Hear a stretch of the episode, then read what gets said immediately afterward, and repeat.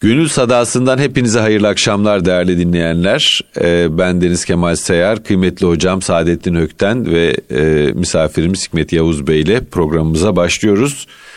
Ee, akşamlarınız hayır olsun. Ee, hocam geçen programda iyilik mevzusunu Evet, e, evet. konuştuk.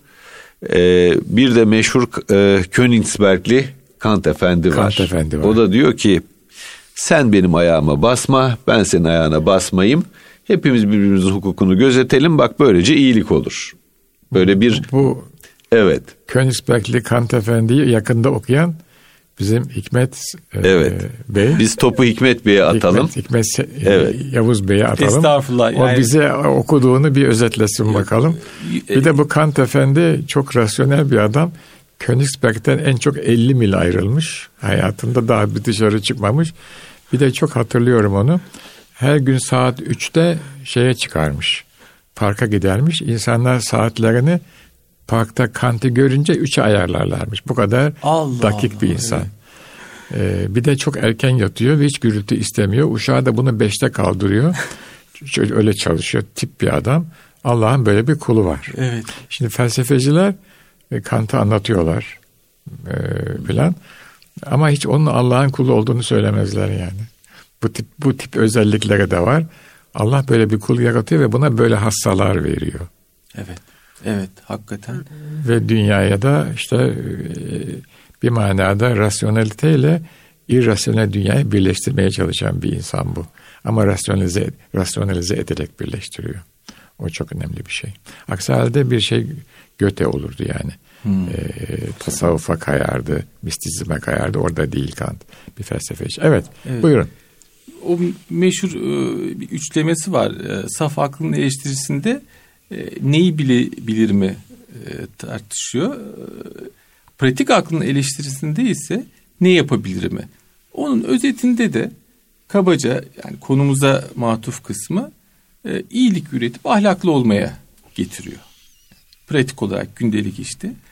Bu e, bizim e, gibi inananlar açısından gerçekten e, Allah'a bağlı olmayan bir ahlak e, üretimi söz konusu mudur, mümkün müdür diye düşündüğümüz zaman biz kendi açımızdan muhakkak ki ona bağlanmayan herhangi bir e, ahlakın e, sonuç vermeyeceğini düşünürüz. Halbuki Kant bir şekilde e, bütün o hocanın da daha önce bahsettiği gibi o hümanizmada yani esasında kendisine göre şöyle yapıyor Kant. O pratik salt aklın eleştirisindeki ikinci baskıda ön sözde ben diyor Kopernik'im diyor. Yani Kopernik'in gezegenler üzerinden yaptığını Tanrı insan üzerinden yaptım diyor. Tanrı'yı merkeze yerleştirdim diyor. Tanrı'yı merkezden çıkardım, insanı yerleştirdim diyor. Böyle olunca humanizmanın kökeni esasında bu şekilde mümkün oluyor. Ve oradan bir ahlaklı olmanın erdem olması ve toplumun faydası için üretilmesi durumu bir şekilde kendi sınırlarınızın belli olması, kendi güvenliğinizin ve refah toplumunun oluşması ancak e, kritik seviyedeki bireylerin ahlaklı olmasıyla ahlaklı bir toplumda olabileceği ve dolayısıyla yeni dünyevi bir faydaya karşılık gelecek sistem üzerinden tarif ediliyor. Ve esasına baktığımız zaman hakikaten aydınlanmanın felsefi background'unu sunan kişi olarak şimdi batılı toplumlarda gördüğümüz dışı zarif, son derece formel, e, kaba bir zarafet ve ahlak var. Fakat e, biraz kazıdığınız zaman son derece bencil, son derece vahşi, son derece tahripkar bir mantıkla işleyen e, bir e, ahlak var. Çünkü kendini aşkına bağlamamış. Kendini aşkına bağlasa buradan şeyle de hakikaten kişinin özgürlüğü sadece biz inanıyoruz ki Allah'a kullukla mümkün oluyor. Eğer tikellere, parçalara, e, başka kullara kulluk etmeye başladığınız zaman o zaman hakikaten köle oluyorsunuz. Bu perspektiften baktığınız zaman şu ya da bu şekilde faydalı olanı da aşkın üzerinden, Allah üzerinden tanımladığınız zaman bu sizi farklı bir yere götürüyor. Benim dünyevi faydam üzerinden faydalıları tanımlayıp onun peşinde koştuğunuz zaman bu sizi en iyi humanizmaya götürüyor. O hümanizmada Tanrı'nın yeryüzünden kovulmasıyla zaten Evet. E, kaim. Deist anlayış o işte. Evet ve e, sizi e, yaratanınızdan e, uzaklaştırıyor. O zaman Batı toplumlarında bir önceki programda e, konuştuğunuz o bir anlam bunalımı ortaya çıkıyor. Hayatlarındaki e, anlamı da gene Rabbani bir sıfat. Yani iyilik yaparak, e, fedakarlık yaparak, e, hiç tanımadığı, inanmadığı, bilmediği insanlar için kendini feda ederek bulmaya çalışıyor esasında. Ya da Bill Gates, yani en zengin adamlarından biri. Değil mi? Va- Varlığının çok çok büyük bir kısmını bu tip hayır kurumlarına başladı. Ya da kendi kurumları üzerinden hayır yapmaya çalışıyor. Çünkü şeyi yok. O maddi faydaların ve maddi olanın hazzının peşinde gelecek sınıra gelmiş ve orada hayatında bir anlam ilave anlam değiştirmediğini Hikmetciğim, görmüş. İşte ben e, bu batılı propagandalar beni ben yutmuyorum bunları. Hı hı. Yani Bill Gates adam olsaydı da e, yani bir dolara bile mal, mal etmediği şeyi e, üçüncü dünyaya 200 dolara 300 dolara satmasaydı. Yani bu haksız bir servet. Anlatabiliyor muyum? Bu, bu haksız serveti yani tamam sonunda işte e, Afrika'da aşıların geliştirilmesi için filan kullanması güzel. Fakat e, yani o kadar çok enteresan şeyler var ki bu Windows'taki açıkların e, efendim istihbarat servisleri tarafından kullanılması, bu büyük şirketlerin Google'dan Microsoft'a kadar CIA ile hep işbirliği içinde olması. Yani ben bunların bizim e, gözümüze böyle bir şey modeli olarak hayır hahlık, e, insanseverlik, efendim filantropi modeli olarak sokulmasını çok kabul etmiyorum. Zaten orada aynı şekilde düşünüyoruz. evet. Elinde başka bir şey olmadığı için bunu yapmak zorunda. Hayatını anlamlı kılmak için elinde bir bu kalmış demek istiyorum. Aşkınla irtibat Evet. olmadığı için. Yani o e, neticede evet e, yine de farklı birisi yani e, hakikaten e, okuyan, yazan, düşünen bir adam. E, Kant'a dönelim mi? Kant'a dönelim. Kant'a dönelim. Kant'a dönelim. Çünkü benim iki tane e, tecrübem var. Bir tanesi daha eski yıllara ait. Şimdi e, Hikmet Bey'in de söylediği gibi Kant diyor ki biz iyilik yapmak zorundayız. Çünkü bu yaşamamız için e, farz, vacip, mutlaka lazım. Vazgeçemeyiz bu şarttan. Aksi halde yaşayamıyoruz. Kant bunu ne zaman söylüyor? 18. asırda söylüyor. 17. asırda 1648 Avrupa'nın 300 yıl süren kanlı birbirinin gözünü oyan savaşları var. Kant ondan sonra bunu söyleyebilir. 1700'lerin sonunda bunu söylüyor. Bu çok önemli bir şey. Ve işte e, ben İstanbul'da Beyazıt'ta büyüdüm. E, batıyı gören fevkalade az insan vardı. Ve bir batı anlatıyorlardı. E, biz de Müslüman kimliğiyle e, dinliyoruz. Biraz ağır geliyor. Yani hoşumuza gitmiyor ama öyleyse de öyle. Sonra bizzat kendim yapabildiğim kadar deneyimledim. Yani iş, işlerine e, girdim. Biraz da akademik çevreden çıkıp başka muhitlerle de temasım oldu. Ve Türkiye'ye döndükten sonra bir takım işte derslerde şunlarda bunlarda bir kavram ürettim kendime göre. Bunun adı sosyal nezaket. Batılı insan kendi toplumunda yaşarken ve siz de toplumdayken günlük hayatında diğer insanlarla temas ederken fevkalade nazik. Ama birebir kaldığınız zaman ofiste veya laboratuvarda aynı işi paylaştığınız zaman fevkalade egoist ve kaba. Bunu ben çok e, acı tecrübelerle öğrendim. E, ama gördüm ki bu böyle. Dolayısıyla bunun adına kendi açımdan bir şey ekledim. Sosyal nezaket. Şuna benzetiyorum. Bir büyük makine. Dişlileri var, çarklar var, yaylar var. Enerji geliyor bir yerden. Bu makine çalışıyor ve çok iyi çalışıyor. Yağlıyorsunuz makineyi. Gereken e, yağlamayı, bakımı yapıyorsunuz. Makine mu- muhteşem çalışıyor. Ama çalışan her parça demirden ve fevkalade sert. Sosyal nezaket işte o yağ. O o o sıvı, o her neyse çalışmayı kolaylaştıran o aparat. Ama bizatihi makinenin kendisi demirden soğuk ve sert. Bizim topluma gelince onun da karşılığı var.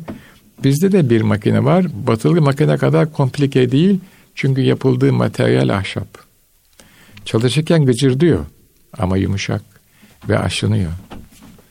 Ve fani bir makine eskiyor Çok yenisi yapılıyor. Yani mühendis olduğum için hani böyle bir Çok somut güzel. iki örnek batılı makine eskimiyor kolay kolay. Hocam bir, bir, bu Lütfen. konuya devam edelim de.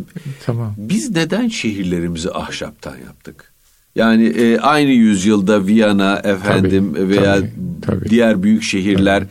hep betonarme yapılara tabii. e, geçmişken veya tuğla kagir vesaire. Tuğla kagir e, yapılara geçmişken, taş yapılara geçmişken kerpiç, evet. ahşap, kireç, tuğ neden? Yani bir tür böyle faniliğe bir gönderme mi bu nedir? Efendim bunu çok farklı yorumlar var. Yani Hı-hı. şimdi tabii bizim henüz daha Türkiye'de şu anda ülkemizde e, oturmuş, tartışılmış, üzerinde mutabakat sağlanmış bir medeniyet tasavvuru yok. Şimdi hepimizin bagajında farklı bilgiler, farklı deneyimler var. Biz bunlara sentez yapıyoruz ve bu sentezin sonucunu da eli kalem tutan, ağzı laf yapan insanlar yazıyorlar ve konuşuyorlar. Bir akım var. Diyor ki efendim bu burası antik Yunan, e, Roma, daha böyle Hitit medeniyet. Diyor ki bu burada burası medeniyetlerin sürekli ortak yaşadığı bir yerdir diyor. Şimdi tabii bu işte e, antikiten taraftarları, bu Mavi Akdeniz filan. 3-5 dakika konuşabilir miyim? O, lütfen ha, hocam, lütfen. Böyle bir akım var. Ben şimdi tarihe bakıyorum. İslam gelene kadar burası çok ciddi savaşların olduğu yer. Öyle ortak kimse yaşamamış birbiriyle yani birbirinin gözünü oymuş insanlar yani. Hmm. İslam gelinceye kadar bu böyle olmuş. Ee, bir hakimi var, ötekine hayat hakkı tanımıyor. İslam gelince de iş değişmiş. Dolayısıyla neden bu? İşte İslam gelmiş. Yani bu sosyolojik hadise tarihi açın göreceksiniz bunu. Bir akım var. E, bunlar da biraz nostaljik davranıyor. Efendim e, ahşap medeniyeti diyorlar. Ben şunu gördüm. Yani tabii benimki de bir akım. Onu da söyleyeyim. Zaten malumunuz yani e, hayat bir takım kabuller üzerine bina edilir. Buna iman da diyebilirsiniz. Kabul diyesin, varsayım diyebilirsiniz.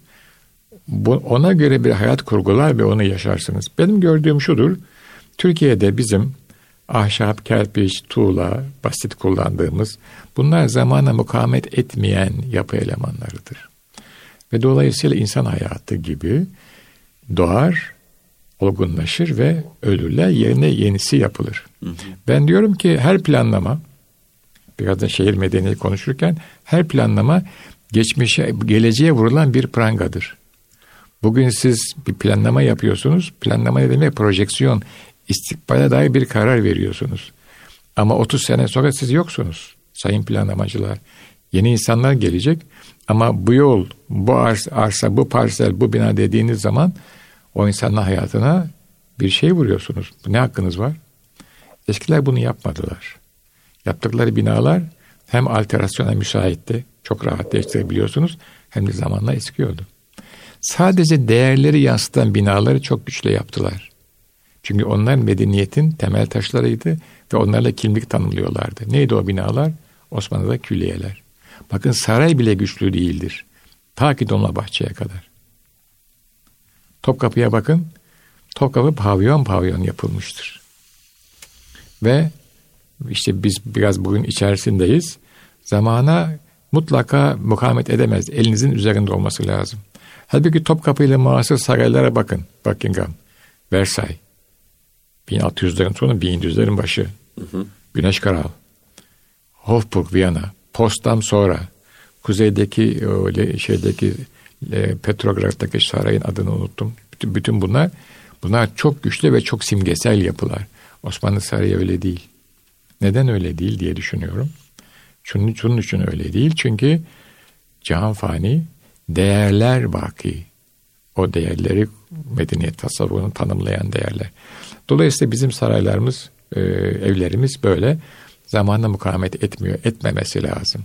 Bir de tabii e, işlevsel olarak esnek, değiştirebiliyorsunuz. Betonarmeyi değiştirmeniz fevkalade zor.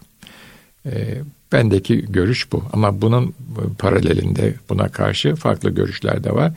Henüz daha biz şimdi elek sallanıyor, titreşim bitmedi, türbülans bitmedi. Bitince bir tasavvur oturacak zihnimizde. O zaman daha bu netleşecek. Bir tanesi bu sosyal nezaket. Oraya tekrar dönelim. Adamlar birebir kaldığınız zaman fevkalade şeyler. e, rasyoneller ve çok egoistler bize göre. Kendilerine göre hiç değiller. Ama yaşamak zor. Hı hı. Mesela şimdi çocuklar ile 18 yaştan evden çık diyor. Biz bunu hiç anlayamıyoruz ama o çok iyi anlıyor. Hayatı böyle çünkü diyor yani.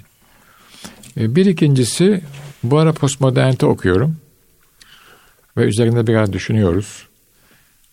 Diyor ki Dölöz yanılmıyorsam veya Guattari tam aklımda değil şimdi bakarım ona tekrar. Diyor ki biz diyor Tanrı'yı çıkardık ve bir ahlak kuramı kurduk. O zaman diyor bu ahlak kuramının aşkın boyutu gidince bu çok basite indirgendi. Benim ruhum aşkından gelen bir habere uymak istiyor diyor. Ama bu basite indirgenen insana dönük bir ahlak. Bu ahlak belki pratikte faydası var ama içimi tatmin etmiyor diyor adam. Ve ben Şimdiki diyor sonsuzluk postmodern postmodern bir din arıyorum ben diyor. Hı. Ve dün önceki gün yazdık bunu tekrar. Diyor ki modernistler Tanrı'yı aklın mahkemesine çıkar, önüne çıkardılar diyor. Bu bir hadsizliktir diyor. Modernistler Tanrı'yı aklın mahkemesine çıkardılar. Postmodernler bunu yapmıyorlar diyor. Peki ne yapıyorlar? O belli değil. Ama modernistlerin Tanrı'yı aklın mahkemesine çıkardıkları lafı çok çarpıcı geldi bana. Akıl yargıçtı dedi. Bu hadsizliktir diyor yani. Bu da postmodern. Hani kimsenin beğenmediği a falan dediği adamlar bunlar. Çünkü görüyorlar hadiseyi. Seküler bir ahlak olmaz diyor adam. Ben diyor bir aşkına inanmak zorunda. İnanamıyor ama inanmak. Yani bana üstten bir şey gelmeli. Ben bunun emrine ittiba edince mutlu olmalıyım diyor. Ama biliyorum ki bu ahlak seküler. Benim gibi bir insan bunu vazetti diyor. Vicdan içimizde Allah'ın sesidir diyor Nurettin Topçu merhum. Buyurun işte. Buyurun şimdi. Işte Vicdan bu. olmazsa nasıl davranacağız hocam? Evet. Bize ne yol gösterecek? Ya evet. ahlak yasası hani Kant diyor ya iki şey içimi huşu ile dolduruyor. Üzerimizdeki sonsuz gök ve içerimizdeki ahlak yasası. Bu ahlak yasası, vicdan dediğimiz şey nasıl oluşacak? Biz yönümüzü bir kutup yıldızına bakmaz e, da oradan tayin etmezsek. Nereye göre tayin edeceğiz? Şey, şeytana göre ediyoruz işte o zaman. Ben yıllar önce bir makale yazmışım şeytan bunun neresinde diye. Hı hı. Batı uygarlığına şöyle bakarken bir Göte'de gördüm şeytanı. Başka yok yani. Hı hı. Peki bu hakikaten böyle mi bilmem. Ama bu bir kavram olarak literatürde var. Ben de soruyorum şeytan bunun neresinde? Şimdi mesela ben böyle anlatıyorum işte batı şu bu filan hani okuduklarımdan çıkan bir şeyler. Sonra oraya bir nefsi emmare ekliyorum. Herkes böyle şaşırıyor. Ne alakası var diyor. İşin tam göbeğinde o var zaten yani. Kesinlikle. İşin göbeğinde o var. Yani laftan lafa geçiyoruz. Bu Freud Birinci Dünya Savaşı'na hekim olarak katılıyor. Ee, Sigmund Freud hı hı. ve e, birkaç şey söylüyor orada. Ben yani kitabını değil de kitaptan alıntıları okudum Medeniyet Tarihi kitabında. Diyor ki insanın bu kadar vahşi olacağını hiç ben tahmin düşünemezdim diyor yani. Ve bunlar Avrupalılar. Hı hı. Tabii biraz da o mesela belki Afrikalılarla Avrupalılar çarpışsa bunu söylemeyebilirdi. Söylemeyecekti. Söylemeyecekti.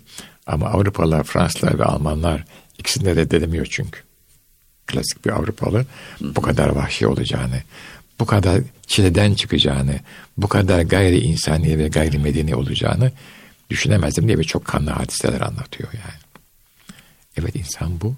Çünkü nefse emmaresi var. Kan dökücü varlık. Kan dökücü varlık. Emmariye kul olan diyor. Hazreti İftar'da hayri şerri seçer mi? Rahmetli Osman abi okurdu, biz de okurduk. Teknik Üniversitede profesör, biz de asistanız. İlah, İlah söyler ilahi okuyoruz. Hocam? Emmariye kul olan e, hayri şerri seçer mi? Gelsin marifet alan, yoktur sözümde yalan, emmariye kul olan hayrı şerri seçer mi? Su profesörü su yapıları bir şey çalışıyoruz filan. O da bizi lead ediyor, yönlendiriyor. Arada hadi diyor bir ilahi okuyalım. Haydi güzel. Allah rahmet eylesin Osman Çataklı. Böyle hocalara hocam. ihtiyacımız var ya. hocam. Her iki tarafta behresi olan. Ya yani emmariye kul olan haygı şerri seçer mi? Böyle. Bir hayat. Bizim işte. tıpta da efsane hocalarımız var. Tabii geçmişte de bugün de yaşayan Hüsrev Hatemi hocamız. Buradan selam edelim ya, kendisine. Maşallah. Hat, ben e, Marmara Üniversitesi'nde e, ihtisasımı yaparken iki ay dahiliye yapmam gerekiyordu. Psikiyatri ihtisasının içinde. iki ay dahiliye bölümünde çalışmam gerekiyordu. Hmm. Ne yaptım ettim e, dekanı ikna ettim. Ben dedim Cerrahpaşa'ya gideceğim. Hatemi Hoca'nın yanında yapacağım şeyimi. İşte bizim için endokrin çok önemli dedim psikiyatri için. Salgı bezlerinin şeyi filan. Neyse izni kopardım gittim hocanın yanına. Ee, hoca e, bir saat, e, iki saat vizit yapıyor. Bir saat edebiyat. Yani o iki saatlik vizitin bir saatinde tıp tarihi ve e, şiir ya. sohbeti var. Camı cem nedir diye soruyor mesela. kadar bir şey. renkli bir hayat. Tabii mi? renkli bir hayat. Bence bir hekimin eğitilmesi gereken şekil de budur hocam. Yani şiirle, güzel sanatla, düşünceyle beraber ufkunun genişletilmesi. O zaman hastalarına bakışı da şey olur, genişler. O zaman zaten onun ufkunda hasta oluyor, hastalık olmuyor. Evet. Şimdi Bravo hocam. şimdi evet. hekimler hastalık peşindeler. Evet. Şimdi mühendisler deprem peşindeler. Bu işte son depremler oldu. Hı hı. İşte bize yine her şey ben 20 senedir meslekle ilişkim yok ama uzaktan bakıyorum. Bir de hı hı. oğluma danışmanlık yapıyorum. Hı hı. Şimdi gördüm ki adamlar mekanik olayın pe yahu depremin sebebi mekanik bir olay, dinamik bir hadise. Ama o kadar çok sosyal etkisi var ki psikolojik etkisi var ki dinamik etki geride kalıyor. Ama adamlar sadece yatıyor kalkıyor dinamik etkiyle uğraşıyor yani. Ee, hekim de böyle. Benim Allah'tan hekimlerim şu anda elhamdülillah bir tanesi de sizsiniz. Estağfurullah efendim. Hastaya bakıyorlar hastalığa değil. Hastalık arkadan geliyor. Çünkü aynı hastalık insanlarda farklı sebeplerden oluyor ve farklı neticeler doğuruyor. Ben geçen gün bir kitap okuyorum. yaşıyoruz. Evet. Michael Balint diye bir meşhur bir bilge bir hekim var. Onun bir sözünü okudum bir kitapta. Diyor ki bugün diyor bu hasta için ne tür bir hekim olmalıyım? Şimdi buna karar vereyim diyor. Heh. Her hasta için ayrı bir ayrı hekim. bir hekim. Heh, aynen öyle. Aynen. Siz biraz şeyi anlatsanıza. Hüsrev Hoca ile maceranızı. asistan oldunuz ona iki Tabii, ay. Hocanın iki ay asistanlığını yaptım. Ee, hastaları dolaşıyoruz. iki saat, iki buçuk saatlik uzun Me- vizitler hocanın oluyor. Hocanın mevzu nedir? Salgı şeyi midir? Tabii. E, bezlerimizle ilgili e, e, bezlerimizin salgı e, hastalıklarıyla ilgili mesela bunlar nedir? Tiroid hastalıkları. Aa, evet. Mesela pankreas, e, Bütün asap şeker, değil mi? tabii diyabet hastalıkları bizim sahamıza çok alakalı. Yani psikiyatride de pek çok rahatsızlık aslında salgı bezlerindeki anormallikten kaynaklanabiliyor. Eyvallah. Dolayısıyla o salgı bezleriyle ilgili onun yanında bir iki ay bir rotasyon yaptım. Hoca e, çok güzel vizit yapar, e, çok şey öğretir, hastalarla çok sıcak ilişki kurar. Fakat o arada hani hast, bir hastadan diğer hastaya geçerken de hayat dersi verir. Ya. Bir hikayesini hiç unutmuyorum onu nakledeyim. Tabii. Ee, bir gün bir hocaları e, Hatemi Hoca'nın hocası vizit yaparken bir odaya girmiş. Bu diyabet hastasını, bu şeker hastasını kim yatırdı buraya demiş. Diyor ki o hasta gece yatmış. Hiçbirimiz hastanın ne iyi olduğundan haberimiz yok. Acil gelmiş. Acil gelmiş, yatmış. Ee, biz apar hocam bir şekerine bakalım biz bakmadık şekerine demiş. Hemen bakın demiş şekerine. Şekere bakıyorlar geliyor çok yüksek şeker. Yani ertesi gün vizite diyorlar ki hocam biz bilmiyorduk bu hastanın tetkikini falan yapılmamış. Siz görür görmez onun şeker hastası olduğunu nereden anladınız demiş. Hı hı. Hoca diyor ki evladım önceden tabii sıhhi şartlar çok iyi değil e, hastanelerimizde. E, hastanın idrarını yaptığı kap kenarında duruyor. Evladım diyor sinekler o kaba konuyordu. Aa. Oradan şeker alıyor. E, tabii gözlem yoluyla hoca onun şeker hastası olduğunu anlıyor. İşte eski tebabette e, böyle taraflar vardı. Şimdi tabii teknikleşti biraz maalesef hasta hekim münasebeti zayıfladı. E, teknik alet edevat teşhis ve iç e, sezi kabiliyetlerini köreltti. Köreltti. Her şey böyle makinelere maalesef. Sanatsal e, kısım kalmadı. Sanat artık. kısmı azaldı ve maalesef hatta bazı tıp branşlarının önümüzdeki yıllarda e, yapay zeka tarafından tamamen doldurulacağı yerinin e, söyleniyor. Mesela radyoloji. İnsan gözü baktığı zaman göremediği bazı lezyonları yapay zeka görüyor. Fakat enteresan bir şey büyük lezyonları göremiyor yapay zeka şu an. Çok enteresan. E, dolayısıyla e, böyle bir hatırası da var hocanın. E, anlatmıştı bize böyle sayısız e, hatıralar. Yani bir tebabette olsun e, eski hoca neslinde olsun yani sizler de denk gelmişsiniz hocam.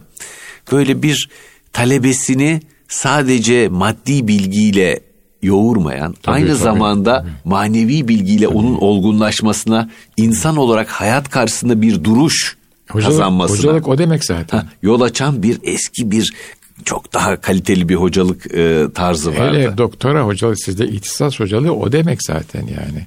Maddi bilgi açık adam kitaptan okur. Onun yorumu ve o yorumun hayattaki karşılığı. Her il, ilmi e, meselenin hayatta bir karşılığı var. O kitapta yazdığı gibi değil. Onu hoca yorumluyor. Biz de öyle gördük. İşte biraz evvel bahsettim rahmetli Osman Hoca. Su yapıları, su dersi görüyoruz. Bizi eğitiyor. Evet, biz asistanız bir şeyler anlatıyor bize, konuşuyoruz. Sonra bir anda bir em, nefsi emmare meselesi açılıyor vesaire tabii. Ve herkes de bu ilahi biliyor.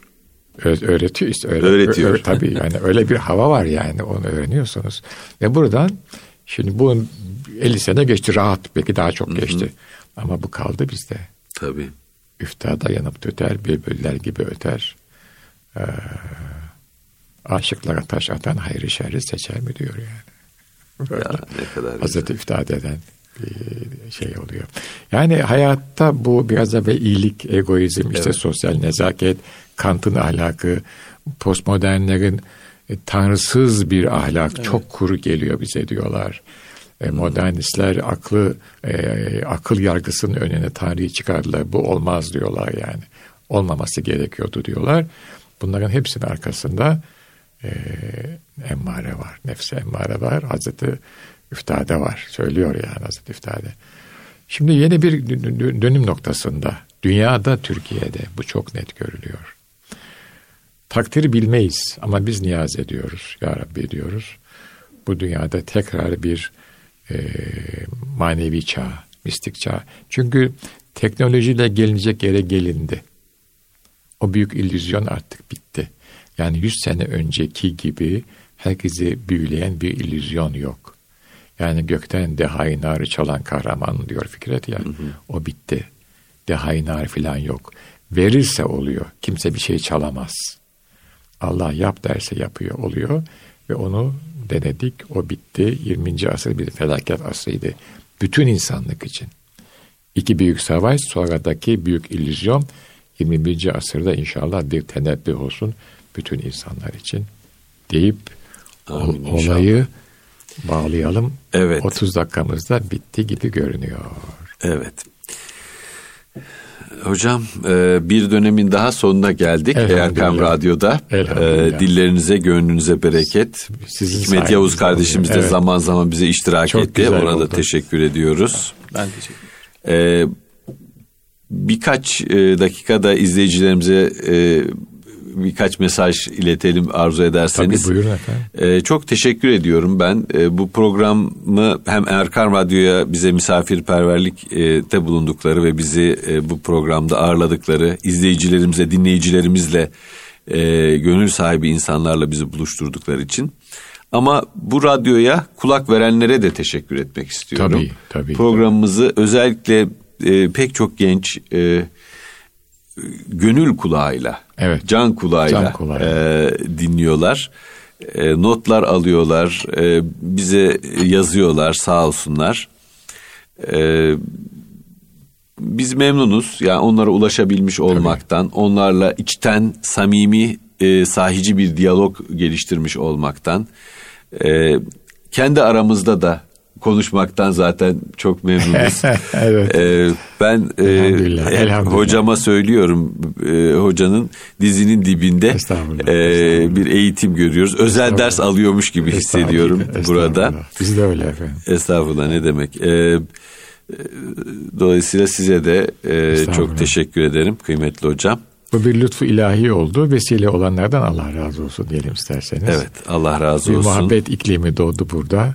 Sonra Hikmet Bey biraderimizle Estağfurullah. iştirak ettiler. Güzel oldu. Ben- Biz inşallah e, bu önümüzdeki zamanlarda ara ara da olsa bu üçlüyü muhafaza edelim. İnşallah. Bir araya gelelim. İnşallah. muha- muhabbet edelim. E, kayıttan azade olalım efendim. Yani öyle öyle zamanlar çok Daima lazım. kayıttayız hocam. Daima kayıttayız.